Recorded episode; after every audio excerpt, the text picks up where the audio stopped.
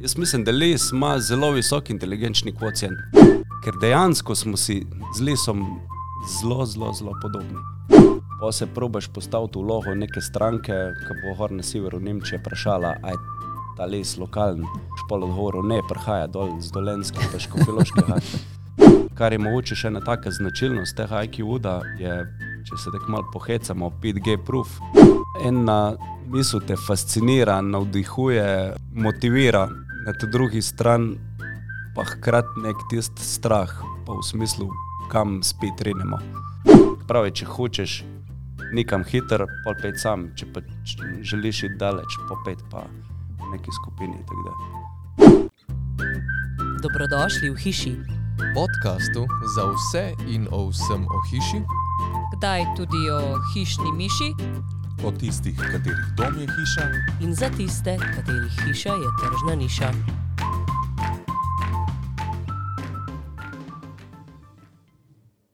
Drage poslušalke in poslušalci, pozdravljeni in dobrodošli v 25. epizodi podcasta Hiša. Danes vas z vami Barbara Šubic. in Boris Štrakl, z nama v studiu pa Martin Hladnik iz podjetja IQ Wood, s katerim bomo spregovorili o inteligenčnem kvocientu lesa, novem in patentiranem sistemu gradnje lesenih hiš z mozničenjem, ter o tem, ali se znanja iz avtomobilske industrije da prenesti v lesno branžo. Martin, dobrodošel, kako si? Dobro jutro, super, hvala. Mal me je že zbudilo po teh ovinkih do žiri iz Lohaca, tako da Dožiral, Martin. Ma, mi rečemo žiri. Očitno se bomo danes o naglasih ja. pogovarjali. Ja, imamo kar težave s tem. Do žirov. Ja, Tudi na Štajerskem je zmeraj ful zabavno sklanjati žiri. ja, Slišiš je. marsikaj. Si mislim, ja. Martin je pa tudi eh, prvi naš gost, ki nam je v jutranji studio prinesel zajtrk. Hvala lepa, Martin. Roglički dišijo, um, probali bomo pa jih mal kasneje. Prav. Ideja za vse bodoče. Sam povedali smo. Da pa predstavimo Martina. Martin Hladnik je diplomiran ekonomist, ki je 15 let delal v avtomobilski industriji v podjetju Hidrija. Začel je v prodaji, potem pa se preusmeril na optimizacijo proizvodnih procesov, na dvig produktivnosti proizvodnje, z velikim poudarkom na vodenju in izobraževanju zaposlenih in to poslanstvo opravljal kasneje tudi kot direktor podjetij Hidrija Lamtek in Hidrija Alutek. Gradnja lesene hiše s podjetjem EcoArt ni predstavljala samo gradnje njegovega novega doma, za njega, njegovo ženo in tri hčerke, ampak tudi gradnjo nove poslovne poti. Martin pravi, da je lepo, če človek ljubi to, kar dela, da pa je še boljše, če dela to, kar ljubi. In tako se je Martin, tri leta po postavitvi hiše, odločil za precej drzen korak. Zapustil je poznana področja avtomobilske industrije in stopil v precej neznan svet lesarstva. Z Mihatom Bogatajem, direktorjem podjetja EcoArt, sta ustanovila startup podjetje IQ Wood, katerega kot direktor vodi Martin. Postavitev novega podjetja z novo patentirano tehnologijo izdelave mozničenega sistema masivnih lesenih plošč, za gradnjo hiš pa je zagotovo potrebovala tudi vsa znanja, ki jih je Martin pridobil na predhodni poslovni poti. Vstop in investiranje podjetja Lumar Invest DOO v podjetje IQ Wood DOO je bila zadnja potrebna poteza, da postane nov produkt široko znan in uporabljen. IQ Wood se lahko pohvali z evropskim patentom in certifikatom ETA za izdelavo masivnih lesenih sten, za izdelano inovativno proizvodno opremo pa so leta 2021 od Gospodarske zbornice Slovenije prejeli srebrno nacionalno priznanje za inovacijo. Martin pa je poleg aktivne poslovne poti aktiven tudi v privatnem življenju. Njegov prosti čas večinoma zapolnjuje družina, s tremi hčerkami, s katerimi rad uživa v odkrivanju kulinaričnega sveta, sam pa rad bere, se sprehaja s psom, teče, vrtnari, posebno strast pa v njegovem življenju predstavlja jadranje. In to regatno jadranje, in to precej zares in precej profesionalno. Martin je tudi predsednik navtičnega kluba Merkur Idrija. Martin, kaj je to regatno jadranje in kako pristane idrc na morju? Ja, zanimivo. Uh, regatno, ja- regatno jadranje je uh, tekmovalno jadranje, se pravi, uh, ukvarjamo se z dirkanjem na morju, če bi tako rekel. Če pogledamo malo, s čim vse se idrci ukvarjajo kot športniki, vidimo, da je ta nek reli duh dosti prisoten, se pravi neko dirkanje ali z avtomobili, kolesi je v idri kar znano. In uh, zanimivo, ampak mislim, da v tem trenutku je nautični klub Merkur Idrija eden izmed uh, močnejših klubov v Sloveniji, ko se enkrat pogovarjamo o teh uh, regatnih večjih jadrnicah. Se pravi, ti priobalni klubi, pa še par teh klubov, ki imajo malo večje je- jezera, so močni v teh mladinskih kategorijah. Potem pa kar neke te stvari zvodenijo, oziroma um, se nekako naredi tisti preklop iz, iz tam malih jadrnic na te velike. V Idri pa imamo v tem trenutku 58 članov kluba, aktivnih. Wow. Aktivnih pomeni, da se vsaj enkrat na leto tudi udeležijo neke regate, ne samo nekega turističnega jadranja. Tako da mogoče za razliko od ostalih klubov smo si zamislili nek tak sistem, da, da na teh naših dohodkih redno dirkamo, tekmujemo um, in da je ta turistični del, bom rekel, porinjen leh mal na stran. Uh, kar nam je pomembno pri vsem tem je, da jadranju damo res tisto veljavo, kot ne bi ga imeli. Ker večina ljudi se jadranje predstavlja bolj kot neko pijančevanje nekje na morju in mislim, da to ni ta prava prihodnost za nek ne samo šport, ampak olimpijski šport, v katerem ima Slovenija a, izjemno dobre posameznike in a, nosilce medalj in verjamemo, da na tak način lahko to spremenimo pa, pa zboljšamo. Se pravi, kar veliko časa po, posvetiš tudi temu delu. Ko gre en tok za res, to ne gre samo en polovičarstvom. Ja, težko, mislim. Uh, prvič tekmuješ v nekih takih razmerah, ki načeloma niso vsakdanje, tekmuješ na, na nekem manjšem, se pravi, si, si uh, bom rekel, ena mehna jadrnica sred ogromnega morja in uh, tam je izredno pomembno. Pač prvo je ta neka varnost, ker osnovni cilj je, da pač priješ živ, uh, pa zdrav nazaj. Ne samo ti, tudi tisti tvoji sotekmovalci in ostali udeleženci na tem regatnem polju. Da, ja, ta prva je ta varnost, normalno pa moraš znati v tem nekako tudi uživati, uh, videti neki izziv in ja, s tem se ukvarjamo kar, kar pogosto. Kako pa nekdo iz Idrije sploh pride na idejo o jadranju? Nautični klub Merkur Idrija je v bistvu, zdaj ma, smo praznovali 22. obletnico, ustanovljen je bil leta 2000. Se pravi, takrat je ta ekipa okrog Vitala Vala, ki je bil pobudnik tega, se odločila, da, da, da se proba malo bolj organizirano uh, pristopiti k, tem- k tej dejavnosti.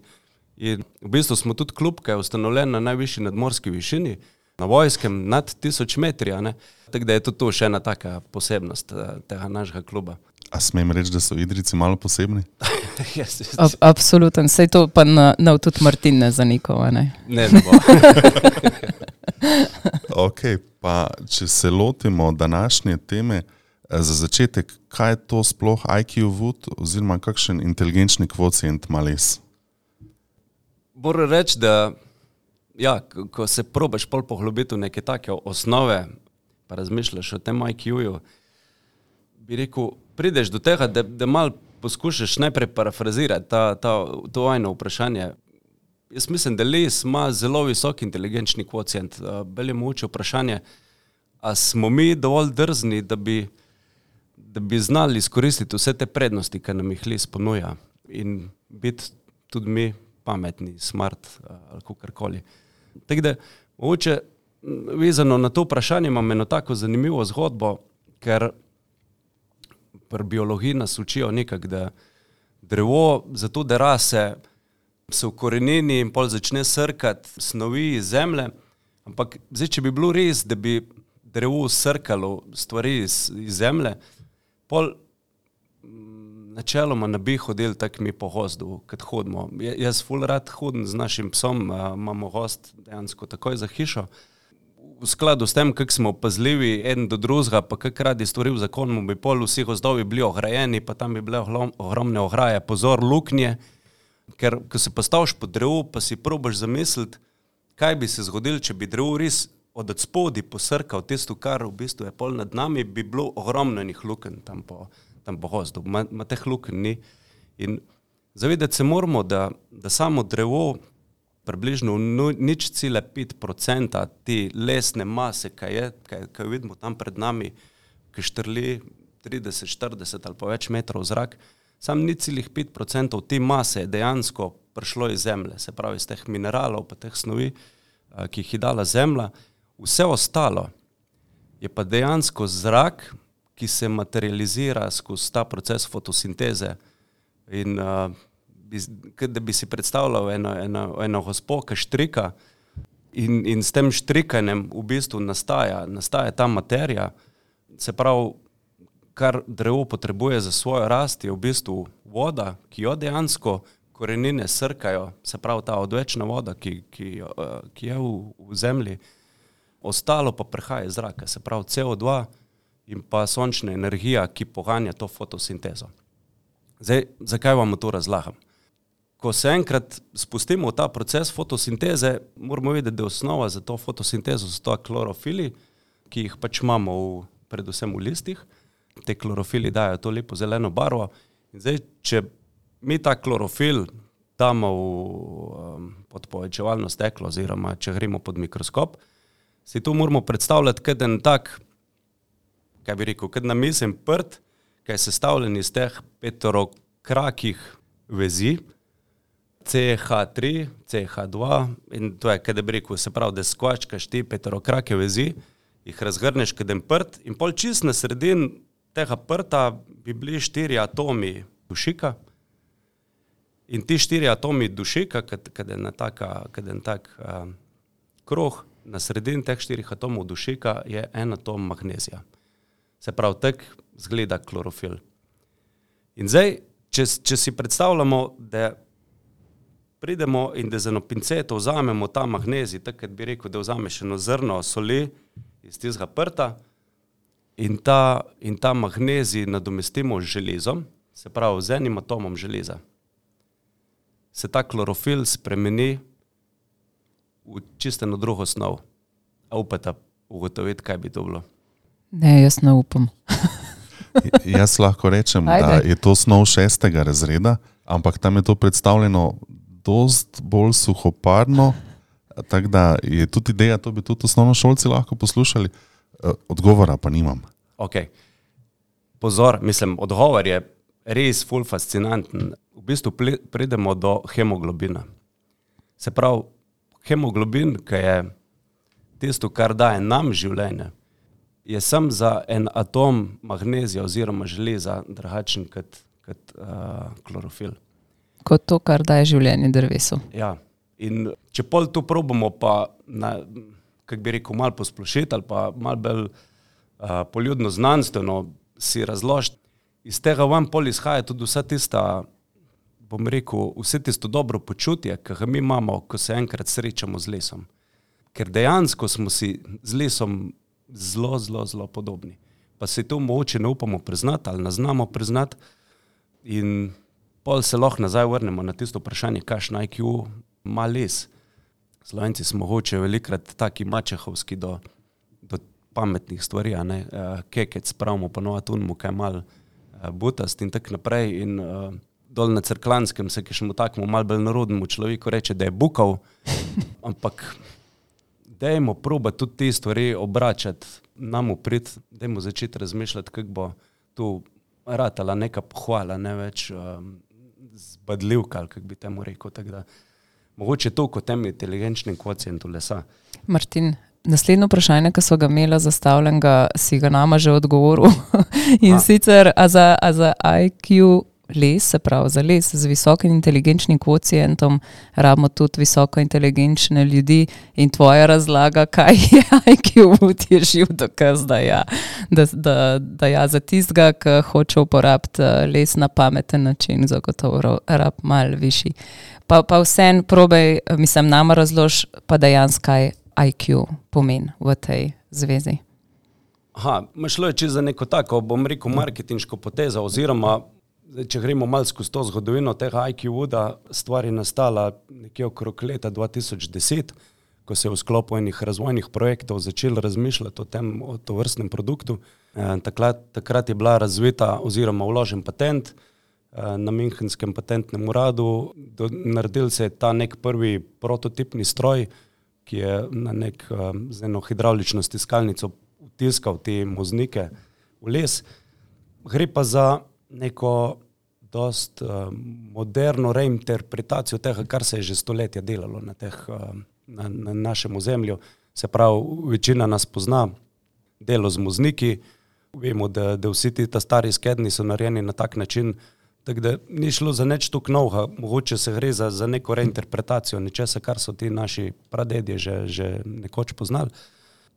Zdaj, Miha je pol na ta patent, bom rekel, naletel uh, tam nekje okrog leta 2012, ko je začel postavljati prve hiše v Nemčiji s tem, z uporabo tega produkta. No, pa je pa pač ta stvar trajala v sklopu podjetja EcoArt, se je vsako leto kišna hiša naredila, ampak zmer je bila ta težava ali pa ta velik razkorak med vsemi benefiti, se pravi prednostmi, ki jih ta produkt prinaša, pa na drugi strani z visoko ceno, kar je pač ta produkt že imel zaradi neustreznih proizvodnih procesov.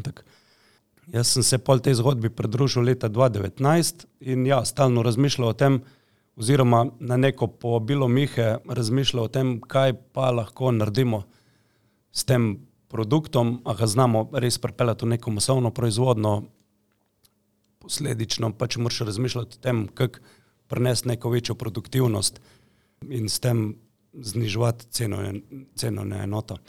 Ukvarjali smo se s tem, kako uh, zboljšati proizvodni proces, kako produkt optimirati. Tako je pol v teh letih od 2019 do 2022 um, nekako nastajala ta prva generacija zboljšanega produkta, kjer smo poskušali slediti tej logiki križno lepljenih plošč. Se pravi, križno lepljene plošče so produkt, ki so v zadnjih 20 letih res doživele ogromen porast postale res popularne in uh, nekako s temi križno lepljenimi elementi ta lesena gradna res doživlja neko novo renesanso, bi rekel. Produkt je izredno primeren tudi za te više objekte, posledično so se tudi mesta, uh, večje mesta odprla tem, uh, te leseni gradni uh, in naše razmišljanje je bilo, kako smo lahko pa z nekim produktom, ki na mesto lepil uporablja samo lesene muznike, kako se lahko s takim produktom približamo križno lepljenim ploščam. In šli smo razvijati podobno tanke, bom rekel, te masivne elemente. In mislim, da smo, da smo se kar dobro približali, imamo pa normalno še ogromno nekih izzivov, nekih, ali pa vidimo še ogromno nekih priložnosti, kako ta produkt uh, res pripele tukaj deleč, da bomo lahko širše evropsko, bom rekel, dosegljivi. Če poslušalcem plastično ponazoriš, kako izgledajo te muzničene plošče, predstavljamo si križno lepljene plošče, kjer so vse površine posameznih lamel zlepljene skupaj, tukaj pa nobena ni zlepljena, ampak verjetno so ti muzniki na določen raster razporejeni po, po plošči. Kakšen raster je to, kako to zgleda? A se vidijo muzniki na koncu? Se pravi, uporabljamo, da moramo reči, čist primerljive deske z tem križno lepljenim. Se pravi, vzeli smo si nek um, fiksen raster 16 cm deske, ti deske potem križno postavljamo eno vrh druge, se pravi prva plast vertikalno, pa pol naslednja horizontalno ali diagonalno, pa pol spet vertikalno. In ti plasti, ko jih imamo enkrat postavljene, mozničimo iz tiste zgornje strani. Ta zgornja stran je načeloma pol zunanja stran pri stenah, pri zunanjih stenah. Se pravi, ta stran, s katerim zničimo, se pol v hiši ne vidi, in na tisti drugi strani se mozniki ustavijo približno pol centimetra pred zunanjo površino, tako da se z ene strani mozniki ne vidijo. S tem je tudi ta izgled zelo primerljiv izgledu CLT-ja. Oziroma, bom rekel, še malo um, mal dlje smo šli, se pravi, uh, poskušali smo s tistimi fuhami med deskami doseči nek, nek tak rastar, da tudi ko ti dve steni postaviš skupaj, se tista fuha med dvema stenama približno izenači s tistimi fuhami med deskami v sami steni, s čimer pač dosežeš ta efekt, da dejansko ne vidiš, kje je stena razdeljena na dva dela, medtem ko pri CLT je pač en del stene je pač lepo zlepljen in ti zdel, ki ga nasloniš, žal ne more biti v nulo, se pravi, tam, tam se tista fuga zariše, tako da tukaj imamo mogoče celo eno tako, eno izmed teh konkurenčnih prednosti. Upam, da sem odgovoril na vprašanje. Si, si. A je značilno za objekte, ki se gradijo z tem sistemom, da je na koncu potem tudi več vidnega lesa?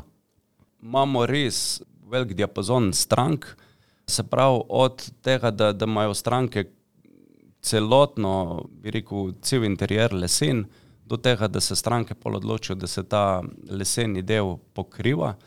Večina strank, ki se odloči za pokrivanje, se pravi za neke bele stene, da mu tako rečem, se ne odloča za knauf, ampak so pol te stene pokrite z ilovnatimi ometi, kar pa pol prostoru doda še čisteno, drugačno kakovost. Zavedati se moramo spet, pa spet, če se vrnemo nazaj, to, kar smo že prej pri muzničenju govorili, naši predniki so dobro vedeli, katere stvari so dobre za človeka. Ena izmed teh je bila les, druga, sigurno, ilovca. Zavedati se moramo, da če tukaj pol primerjamo na eni strani knaufarijo, če tako rečemo, se pravi knauf. Knauf sam po sebi še ni tako grozen material, če mal zamižimo pri tem, iz česa vsega je narejen. Ampak ko enkrat pol ta knauf prekitamo, dejansko prijemo do tega, da, da tiste stene zapremo v grobo rečeno polivnilasto vrečko. Medtem ko na drugi strani ilovna tomet ohranja difuzijsko odprtost in eh, še ena taka a, značilnost ilovce, a, se pravi, ima zmožnost sprejemanja in oddajanja vlage. Na ta način res vi pol v prostoru nesete izredno, izredno, kako ne rečem, nek, nek sistem, ki vam uravnava vlago v prostoru in uh, s tem doprinesete še toliko več k temu bivalnemu vhodju, uh, ki ga človek pač potrebuje. V gradbeništvu so nas učili, ko sestavljamo stene, da morajo biti notranjosti sten zmeraj bolj tesne, kot kar uh, stena, ki je odprta, pač proti zunanjosti naj bi bila stena odprta.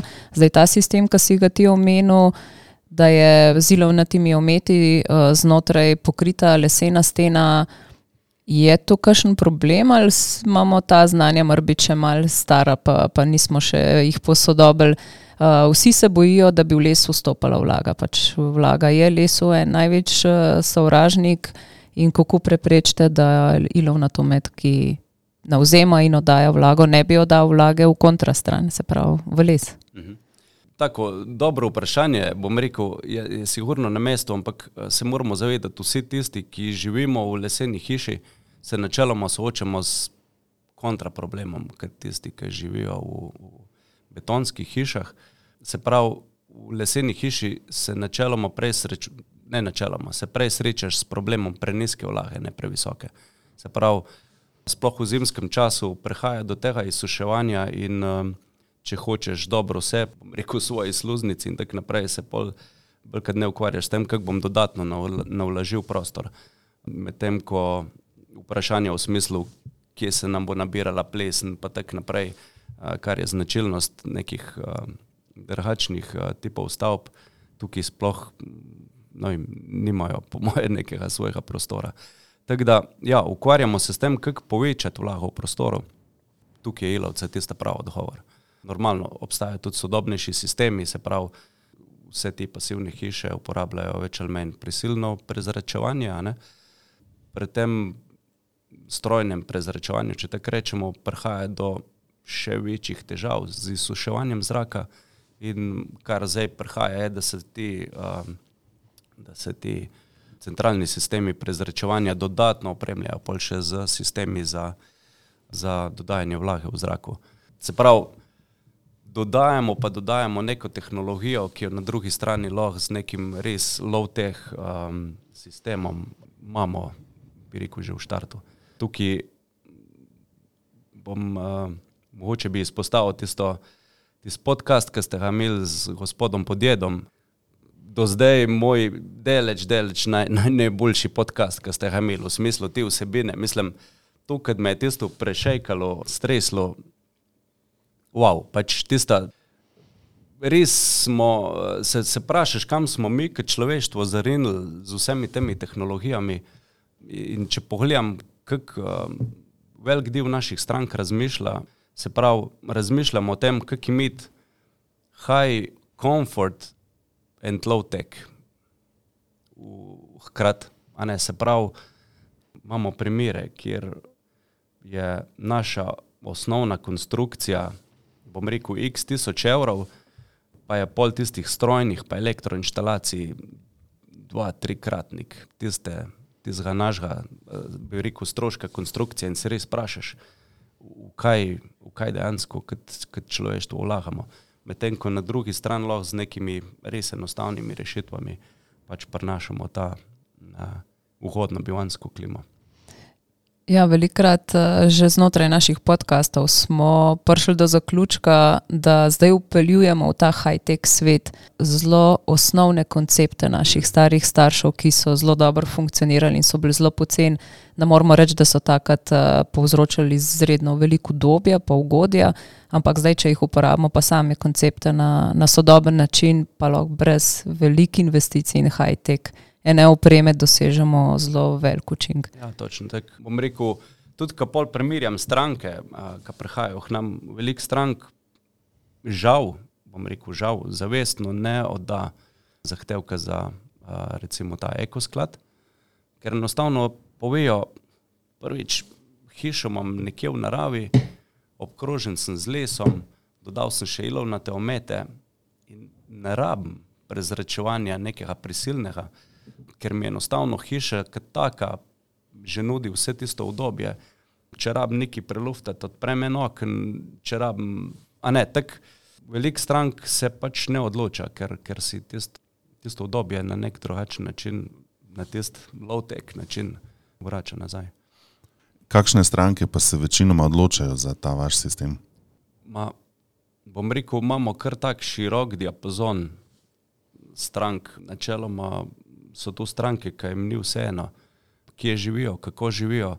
Bom rekel, tudi ta COVID kriza, ki se je zgodila, je pozitivno vplivala na to, da se kot ljudje bolj zavedamo pomena zdravja.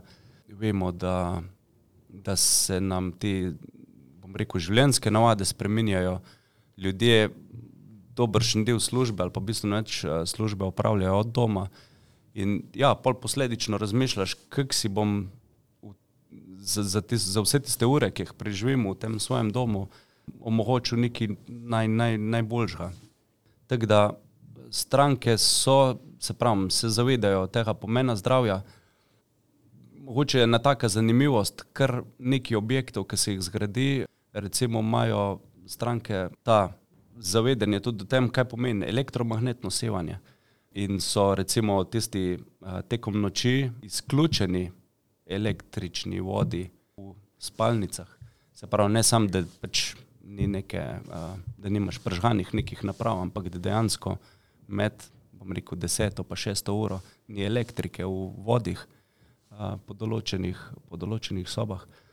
Kar je mogoče še ena taka značilnost tega IQ, da je, če se tako malo pohecamo, 5G proof, se pravi, imaš slabši signal telefona v, v v teh naših prostorih, zdaj določenim ljudem je to res čist mim. Uh, ja, zdaj bom mogel pa še ojačevalc um, za, za mobitel dodajati, ampak skus več ljudi se pa zaveda, kaj vse, uh, kaj, kaj pa negativnega, vse okrog teh uh, raznih 5G omrežij in tako naprej. Tak da, ja, to so ti stvari, ki nam jih stranke, bom rekel, nosijo. Kar sem mogoče še opazil, da je ena taka zanimivost veliko strank, recimo, ni cepljenih. Se pravi, so, ne, da ni cepljenih, so strogo proti cepljenju, recimo, pa se pač tukaj ne pogovarjamo o njih ljudeh, ki štrajkajo, pa, pa mečejo kocke mm -hmm. tam po parlamentu, ampak od, od doktorjev in tako naprej. Ja, zanimivo, srečaš se z njim. Če, če to primerjam s tistim mojim prejšnjim življenjem v tej avtomotiv industriji, z nekim zelo drugačnim razmišljanjem o tem, kam bi kot človeštvo sodelujete pa tudi skupaj s podjetjem Lumar. Kakšno je vaše sodelovanje in kaj je bil tisti odločilni kriterij po tvoje, da ste se odločili za sodelovanje? Ja, če se mogoče spet malo vrnemo, če se spet malo vrnemo k uh, gozdu, v bistvu tam dobiš vse tiste neke odgovore. Zavedati se je treba, ta poslovni svet ni enostaven, prenaša izzive take in drugačne. Če, se, če gremo malo na ta gost pogled, od raznih žledolomov, težkega snega, vetrolomov in tako naprej. Če tu malo prenesemo v poslovni svet, je, je dosti podobno. In zaradi česar, zaradi česar gost preživi, je zaradi tiste neke simbioze, ki jo gost v stanju ustvariti. Se pravi, vsako drevo ima v sebi zapisano, da pač če hoče iti naprej s tem procesom, s procesom proizvajanja, se pravi kisika v zameno za, za oglik in, in vodo, mora zrast. Mora zrast visoko, mora priti do, do, do sonca. Na drugi strani se pa drevo zaveda, da pa bo preživelo samo, ukolikor bo obkroženo tudi z drugimi drevesi, ukolikor si bojo krošne ena drugi dajale neko oporo, ukolikor si bojo drevesa ščitila drug drugega. In na tak način tudi jaz nekako doživljam to sodelovanje na eni strani s podjetjem Mekvart, pa na drugi strani s podjetjem Lumar. Dejstvo je, da nek tak startup ne more preživeti samo od sebe, potrebuješ neko zaledje. Tukaj se nam je zdel zelo vsem skupaj ključno to res neko sodelovanje. Mogoče v Sloveniji je žal teh praks sodelovanja med podjetji premalo. Več ali manj se razmišlja, kako se bo nekdo odcepil, pa nek svoj DO nekje odprl, zato da bo po svoje neki rinu. Mi smo poskušali pač zgodbo lih obrniti. Kar mi je bilo všeč pri pr, pr tej zgodbi Lumarja, ta njihov mindset v smislu zero emission living, se pravi življenje brez, kako ne rečem, čisto življenje, ki ga dejansko ne živijo, sam tam v enem logotipu, ampak ko vidiš, kako vsak dan razmišljajo o tem, kako bo zmanjšalo oglični odtis, kaj še lahko naredimo, da bomo ustvarili menj CO2, -ja, menj ostalih nekih odpadkov, si rečeš, ja, wow, kako vse te zgodbe tako naravno pašejo skupaj. In uh, pol smo nekako skozi vse te debate tudi prišli do tega, kako kak, kak dejansko ustvariti to neko zgodbo, ki smo jo pol poskušali, uh, ali pa jo tudi zdaj še zmeri poskušamo plasirati na trg, se pravi od hloda do hiše, v Sloveniji. Se pravi, kako prekiniti to neko tradicijo izvažanja, mogoče ne samo te okrogle hladovine, ki se je ta proces kar uspešno zaustavil z vsem temi vlaganji v slovenske žage, ampak žal s tistimi deskami, ki na žah padejo preč od, od tega hloda, se hiše ne da sestaviti. Se pravi, hišo lahko sestaviš samo, če ti deske uspeš predelati v nek polproizvod, In uh, ja, tukaj smo ponosni na to, da smo um, prvo slovensko podjetje, ki pač uh, ustvarja te neke večje panelne sisteme. In si želimo, da, da bi se še kdo priključil na ta vlak in da bomo znali res vzpostaviti nek, bom rekel, ne samo slovenski produkt, ampak nek produkt z, evropskim, uh, z, en, z nekim evropskim dosegom. Ker mislim, da je IQ-ud, uh, kot tak, sigurno to zmožnost ima. Ja, to simbiozo, ki si jo omenjal, predvsem simbiozo v gozdu med drevesi. Zagotovo si prebral knjigo Skrivno življenje dreves Petra Volebna, ker je res, res točen to, kar si ti opisal. Tudi o tem govori, no, o prepletu pod zemljo, kako si drevesa pomagajo. Kako zgleda neko drevo že mrtvo, pa ga potem ostali oskrbujejo dolg časa z hrano in hranilnimi snovmi zelo presunljiva knjiga no, za nekoga, ki se, ki se sprehaja po naravi, pa ne gleda dreves, tako kot pol, ki to prebereš. Sem si že zapisal. Ker govori si tako, da, da si jo že prebral. No, zelo, ja. zelo na ta isti način ja, opisuje. Dejansko, če spremljaš malo te stvari, vidiš um, tudi, kako si drevesa dejansko. Kako se drevesa med sabo sporozumevajo, niti ne znamo tega točno razložiti prepovedujem, potem zdaj, kar sem slišal, oziroma pa tako mal prebral.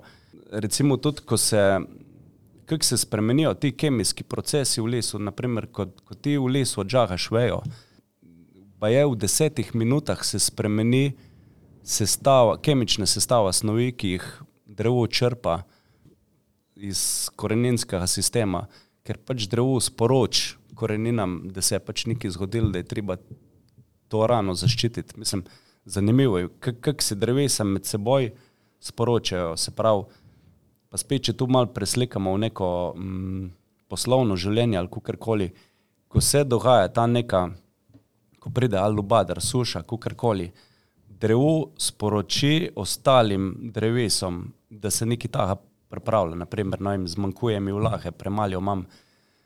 Pri vseh okoliških drevesih se v relativno kratkem času začne dogajati, da, da drevesa začnejo zapirati te svoje pore. Se pravi, ne razmišljajo v smislu, jaz imam še dovolj benzina, tako da rečemo, pri nas gremo naprej s to na uro. Ne, vsi začnejo šparati, šparajo zato, kot si ti rekla, da ti smo, bom rekel, pomagajo. Mislim, ja, interesantno, tako ko se malo tu spustiš. Smo spet nazaj proti smo IQ. To, to tako. Ja, ja, je- Nam, nam kot človeštvu tu velikrat manjka, ne? smo zelo individualisti.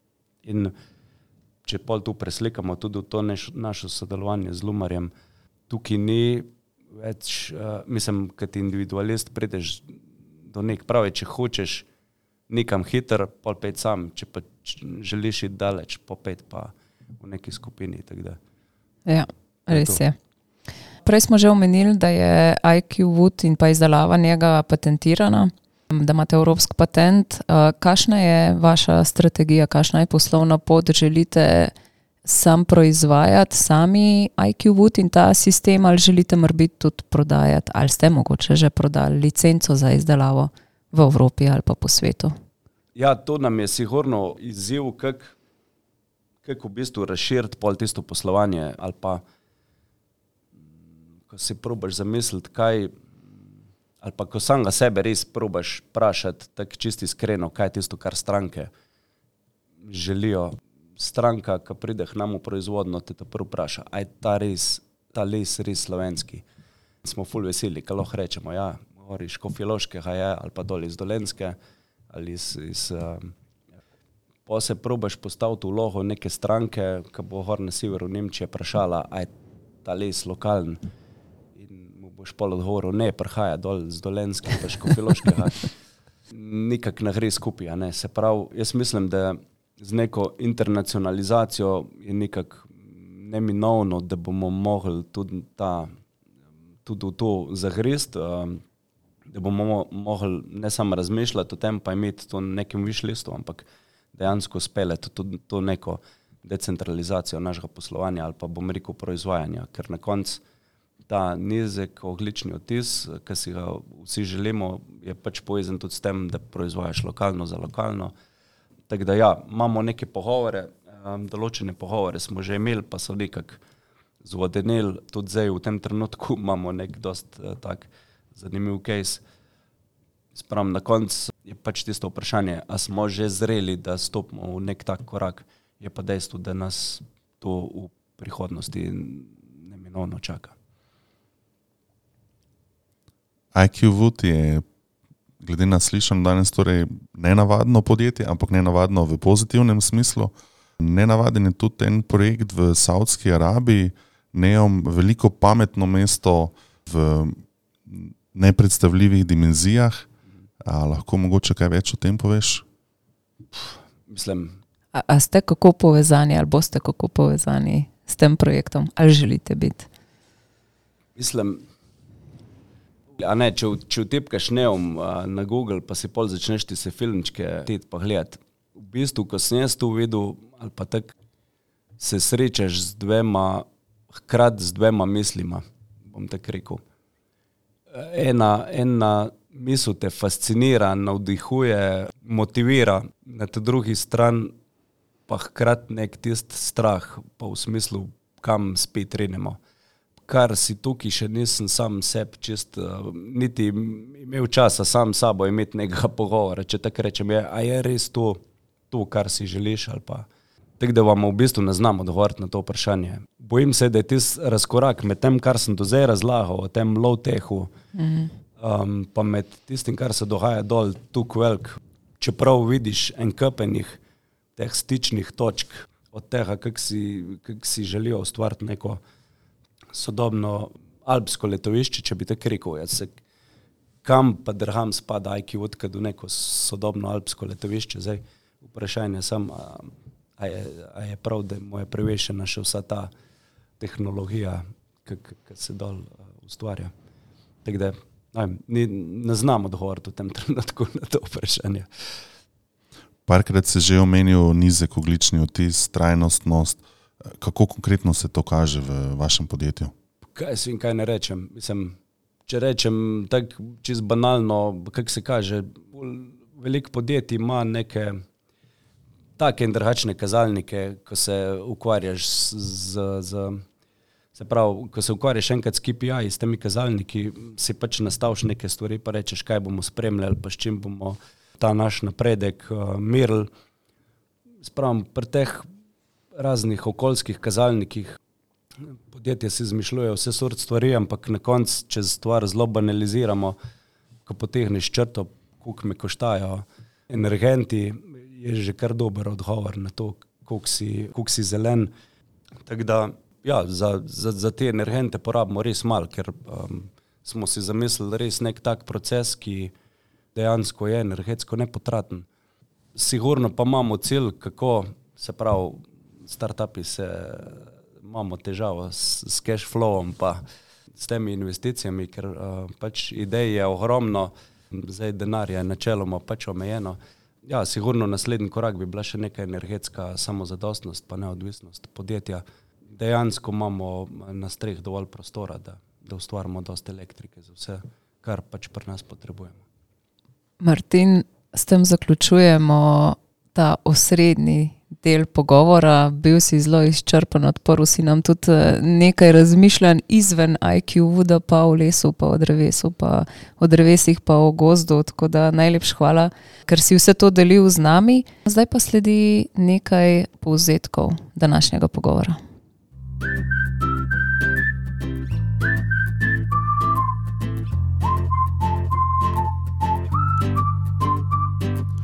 Les ima visok IQ, moramo biti pa dovolj drzni, da izkoristimo vse ta potencial. Lesna masa je po fascinantnem Martinovem pripovedovanju v bistvu zrak, ki je materializiran s procesom fotosinteze. Slišali smo zelo zanimivo predstavitev klorofila, to se splača še parkrat slišati. Pri sistemu IQ voda se mozniki na notranji strani ne vidijo, Stranke se pogosto odločajo za ilonat omet v notranjosti prostora. V teh objektih se trudijo bolj povišati vlago, kot pa jo znižati. Stranke so od krize s COVID-om bolj pozorne in se bolj zavedajo pomena zdravja in možnosti dela od doma. Martin, zdaj pa smo pri stalnem vprašanju našemu gostu. In sicer, kater del tvoje hiše, tvojega stanovanja ali pa en prostor ti je poseben prostor, v katerem res uživaš? Zdaj, to vprašanje je tako, kot uh, kaj vprašaš, uh, kje ti je ta boljš komat. ja, ne. Uh, ne. Dobar, pa tudi tam bi se, če bi se mogel, se za enega odločil. Ma ne, mislim, tri, jaz moram, pač žal moram tri stvari izpostaviti, um, kaj tak je. Se pravi, ker se lotimo s puncami kuhati, pa te stvari res radi kuhamo med vikendi. In tako da definitivno je kuhna eno tako, bom rekel, vrelišče, kjer uh, šibamo okoli tistih pultov, uh, se hecamo in tako, se imamo res fajn. Tako da kuhna je definitivno ena izmed tistih, um, ena izmed tistih prostorov, v katerem neizmerno uživam in tudi, um, ko prijem iz službe, ne glede na to, koliko si zmatran, pač to mi je res ena taka sprostitev, kar rečeš. Zdaj, ta drugi prostor, kjer mimo katerega ne morem v naši hiši, je tam, se pravi, tista naša zahodna stena, kjer imamo postavljen klavir. Tam se velikokrat tako v večerjih pol naberemo s familijo, punce so blazno ustvarjalne skupaj z ženo in imamo res ogromno teh, bom rekel, se res z musko ukvarjamo. Vsi igramo neke inštrumente, pojemo in tako. Kaj ti igraš? Jaz igram, se pravi, glasbeno šolo, sem naredil instrumente, zdaj pa večkrat bolj za kitaro primem, no, kot, uh, oziroma bas kitaro. Tako da od tega večglasnega petja in tako res uh, fascinantno. Tako da sigurno brez tistega kota v te naši hiš ne bi šlo. Mogoče še ena taka. V bistvu mi smo te prvi imeli klavir gor na vrh postavljen na eni taki galeriji, pa pa smo stalno smo razmišljali, kako bi neko televizijo dal dol spodi, ker imamo vse v enem tem enem nadstropju. In uh, dogajalo se nam je, da smo stalno polčepili gor v tisti mansardnem delu, v tisti galeriji. In pa smo rekli, da smo zakaj bi sploh televizijo tlačili dol spodaj, da jim jih obrniti, ko bomo dali televizijo not, jo bomo dali gor na vrh, kjer je zdaj klavir, klavir smo pa dol spodaj dali in pač wow, televizijo prižgemo enkrat na mesec. Uh, dol pri klavirju smo pa kar, kar pogosto. Zdaj, ta tretji ja, prostor, tretja. Uh, se pravi, če rečem eno, z mojimi puncami tam pri kuhinji, z otroci, kadar se igramo, pol ženo, pa z otroki smo tam pri, pri klavirju. Jaz, kadar pa tako malo tečem po kišni južni, kdaj kišno knjigo prebrati, uh, grem pa gor na mrežo, tako gor na tem jedilnim prostorom imamo, um, se pravi, smo se odločili, da na galeriji ne bomo imeli ograje, uh -huh. ampak smo v bistvu mrežo horizontalno postavili, se pravi, da kjer dol napade in imamo en tak, en koliko enih 30 kvadratov mreže uh, v obliki idrijske čipke, da nas malo spomne na to, odkje prihajamo, tako da tam je pa kdaj prostor za kišno knjigco, tako malo prečitati. Odlično, sem vedela, da bo en, en tak, kako na žarovsko rečemo, temu kujavnik na koncu, ampak to niti ni kujavnik, ker Ne, si ne, vse, vsem na očeh. ampak ja, super. Za tiste, ki nismo iz teh koncev, kujavnik, Ja, kujavnik je en plac, kamor se ponavadi mož zateče z, z izgovorom, da pač nekaj dela, ali je to ena delavnica od zadaj za hišo, ali je pač en prostor njegov. Pa Ne, tam dodana vrednost, gor, uh, bi rekel, vrednost, ki jo dodajemo gor na, na mrež, se ne more. V, presega dodano vrednost kojavnika. Super. Zdaj pa smo prišli do zadnje naše rubrike in sicer to je hišarija. Danes se veš, da nismo mogli danes iti mimo tvojega sveta jadralstva oziroma plovbe. Ne bomo se pogovarjali o Morsejevi abecedi pa o, o zastavcah. Je pa to v bistvu prvič, da se pogovarjamo o jadralstvu v hišariji in v našem podkastu. Zato vsem bomo ti postavili nekaj vprašanj in nas boš v bistvu ti polagoma popeljal v znanje jadralstva. Si pa predstavljam, da bojo tole zate bolj uh, trivialno vprašanje, ampak lej, bomo videli. Pa začnemo. Martin, odkje izhaja izraz Mayday? Kriza. Kriza. Mayday. Tu pa ne znamo odgovoriti. Ja. Ja. Naj bi izhajal iz francoske fraze my des, uh, kar pomeni pomagaj mi. In sicer ta izraz je kot klic v sili upeljal leta 1920 uh, Frederick Stanley Mockford. To je bil oficir, ki je deloval na radijskih zvezah na letališču v Krojdonu, zato ker se mu je Morsejeva beseda zdela preveč, je bila eh, za signalizirati sicer klic na pomoč, on pa je pač delal na radiju in se mu je to zdelo mora biti malo premalo udarno, da, da mora obstajati pač en drug izraz, ki bi pa res zelo na hiter dal jasen vedeti, da je nekdo v težavah. No in ta, od takrat se, kadar se uporablja zvočni signal, se uporablja ta, kadar so pa sam signali, no, um, se uporablja še zmeraj morsejeva beseda. Mislim, v bistvu bilo skoraj bolje, če bi rekel, da je morajo Morsijevi. Se Ne, no, se boš videl, se boš šel. Okay. postavil ti bom vprašanje. Jaz odgovora nisem poznal, dokler nisem tega videl prebranega. In sicer, kaj je to ankraufobija? Pismo, danes sta se pa spravila na me. Ankraufobija. ja. Ankrav. A veš, to je tako, ko se lotiš pripravljati kviz o stvareh, o katerih nimaš pojma in pol ti je vsako vprašanje zanimivo. Mislim, Je vem, zdaj po angliško je anchor, je pač um, sidro, tako da je možno, da tu na to kaj um, sliči. ali Ne, ne. Pa mi pa morate dati kakšno istočnico. Kaj. Tist, ki to fobijo ima, skoraj ne more iti na, na jadrnico ali pa lahko gre samo v mirnem vremenu. Hakad v smislu ta morska bolezen ali pa Uh, strah pred vetrom je. pred vetrom. Ja, pred vetrom. ja tu res ni za jadranje. Ne, to res ni za jadranje. zaradi tega nimam pojma.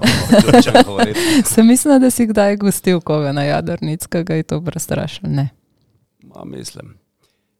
Zdaj, pri teh stvarih je tako, tak, da mm, moraš to, to jadranje dozirati, pa zbirati, glede na ta prvi vremenske pogoje, ampak v kombinaciji pač s posadko. Tako da, jaz pravim, tak, če greš s familijo, moraš pač na drugačen način razmišljati, kaj se bo jadral, koliko se bo jadral, ker če greš z neko tekmovalno ekipo, tako da ja, um, se je treba prilagoditi. Zdaj pa sledi malo bolj matematično vprašanje, ampak mislim, da ne je pretežko. in sicer, eh, če recimo gremo zdaj dol na obalo in piha veter, piha burja s hitrostjo 40 km/h, koliko vozlo bi to približno bilo? 40 km/h je okoli 10, a ne? oziroma kva sem zdaj rekel. Pismo, mi se zmeri v vozlih pogovarjamo. In pol ne veste, koliko hitro piha. Se pravi, pa zdaj bo treba pa računati. Z metra na sekundo, ono, 20, tako. Ja, Tam nekje. Ja, ja. Cirka 20, ja. Ja. Do katere hitrosti vetra, pa recimo še je varno biti na morju s takšnimi jadrnicami, kot vi jadrate? Mm, kaj ne zdaj tukaj odgovorim? V bistvu je tako, če gremo čez tehnično, neke regate nad 30 vozli se ne izvajajo, čisti iz tek, nekih varnostnih razlogov. Zdaj, da se jih tako jadra tudi 40 ali pa, ali pa več vozlih, se na koncu mm, je dejstvo, da te to lahko tudi nekje sred morja dol prime. Važno je, kako se prilagodiš pač tem razmeram, se pravi, kako krajšati jadra. Um, na skiperju je, da se ta pravi čas odloča zmanjševati površino jadra, se na koncu je to. Je pa zmeri tako, ni dosti, da se, da, da se odločiš na podlagi trenutne situacije, se pravi, pri jadranju je dejstvo tako, da, da moraš imeti tisti nek pogled vsaj en dan ali pa pet dni ali pa sedem dni prej, uh, odvisno od tega, kam bi rad šel. Um, tako da, ko se odločiš, a bomo jadrali ali ne bomo, pa koliko bomo, se moraš uh, odločiti na podlagi neke vremenske napovedi in ja, gledati leh malo več, kot sam, uh, ko bo čez eno uro. Zdaj pa nam naštej šest najpogostejših mornarskih ali pa, ne vem, se jim reče tudi nautičnih vozlov. Te, kaj jih uporabljate. Aha. Mislim, najbolj tak osnovni je ta pašnjak, okay. Ki z njim prvižiš večino tistih nekih stvari. Um, značilnost tega vozla je, da pač narediš neko tako zanko, ki jo relativno komot lahko sprostiš. Bitni vozil, ki se prvižiš za te bitve, pol ta, tiste dva osnovna, ki jih poznamo, sta se pravi babi vozel, to je tisti, ki se zamežla, pa ga ne moreš, a ne. Ime je fenomenalno. E, Ime je fenomenalno. Sidrni, kaj je še ta, ta pravi vozel, kako mu rečejo, polosmica, vozel za podaljševanje štrikov. Ja, odlično. Taki najbolj pogosti. Okay. Zdaj pa imam jaz eno bolj prijazno vprašanje. No, dajte, zdaj si že zaslužim po vseh teh vojnih. A lahko našteješ osnovne sestavne dele jadrnice? Osnovne sestavne dele. Pravijo, da pri jadrnic, kako bi rekel, se ustvarja neka ta ena taka zanimiva vez. Zmeri pravijo, da jadrnica je tista, ki naj bi obvarovala človeka pred morjem. Človek je pa tisti, ki mora jadrnico obvarovati pred kopnim načeloma. Um, tako da tukaj se ustvarja ena taka posebna vez med jadrnico in pa mornarjem. Zdaj, če, če gremo čisto tako po vrst, in bi rekel od spodaj na vzgor, mislim, ali pa od velikih delov pred manjšim, se pravi, jadrnica ima nek trup, ta trup je na spodnjo stran, iz trupa štrli kobilca, kobilca je, je um, nek podaljšek te jadrnice navzdol uh, z neko težjo, uh, kar daje jadrnici neko uh, stabilnost. Zadaj je, so ti listi krmila, s katerim jadrnico upravljamo, pa pa imamo gor na tem trupu je načeloma nek dek, se pravi paluba, po kateri hodimo, jadrnica ima pol na vzgor, te isti ravnini, mislim, bom rekel, tisti, kjer je kobilca, se ta kobilca nad palubo podaljša v jambor, se pravi na jamboru imamo jadra, zadnje je tisto glavno jadro, ki daje jadrnici neko stabilnost, osnovno in spredi tisto osnovno jadro, flok ali pa dženova. Kaj še moramo taha pri jadrnici, se pravi, ti vrvi navijamo okoli vinčev, se pravi tiste stvari, ki se, ki se vrtijo, se jim reče vinči, špahe, ki, bom rekel, povezujejo jadra z jadrnico, se imenujejo, se imenujejo škote ali pa škotine, pravimo, a jadraš na enih ali na drugih uzdah. Je še ta rešilni čovn, je fajn, da imaš na jadrnici meri neko krmilo, valjda mora biti zato, da lahko jadra, um, krmariš, spredje je ponovadi sidro, tudi da se zelo uh, nekje ustaviš. Pa brez posadke na gre. Um, tako da to so neke tiste osnovne stvari. Ja, mi dva smo imela pol tega napisanega, ti si jih povedal še bistveno več. Martin, še enkrat hvala lepa tudi za tale vstop našega znanja no, v jadralski svet. Si nas mrskaj naučil, kakšno stvar smo pa tudi mi. Ja, ste tudi vi, uh, mene, tako da ta medej si bom zapomnil. Um, iz francoščine sem si. Ja, hvala lepa. Hvala vsem, ki ste bili z nami v 25. epizodi podcasta Hiša. Oglasite se nam preko elektronske pošte hisaafna.m-sora.si. Vabljeni pa ste zopet v našo družbo čez dva tedna, ko bomo gostili Alenko Kragel Eržen, direktorico in vodilno arhitektko arhitekturnega biroja Kragel Arhitekti. Z njo bomo govorili o napakah pri workplace projektih in gradni hiše. Do takrat pa vse dobro in srečno v vaši hiši.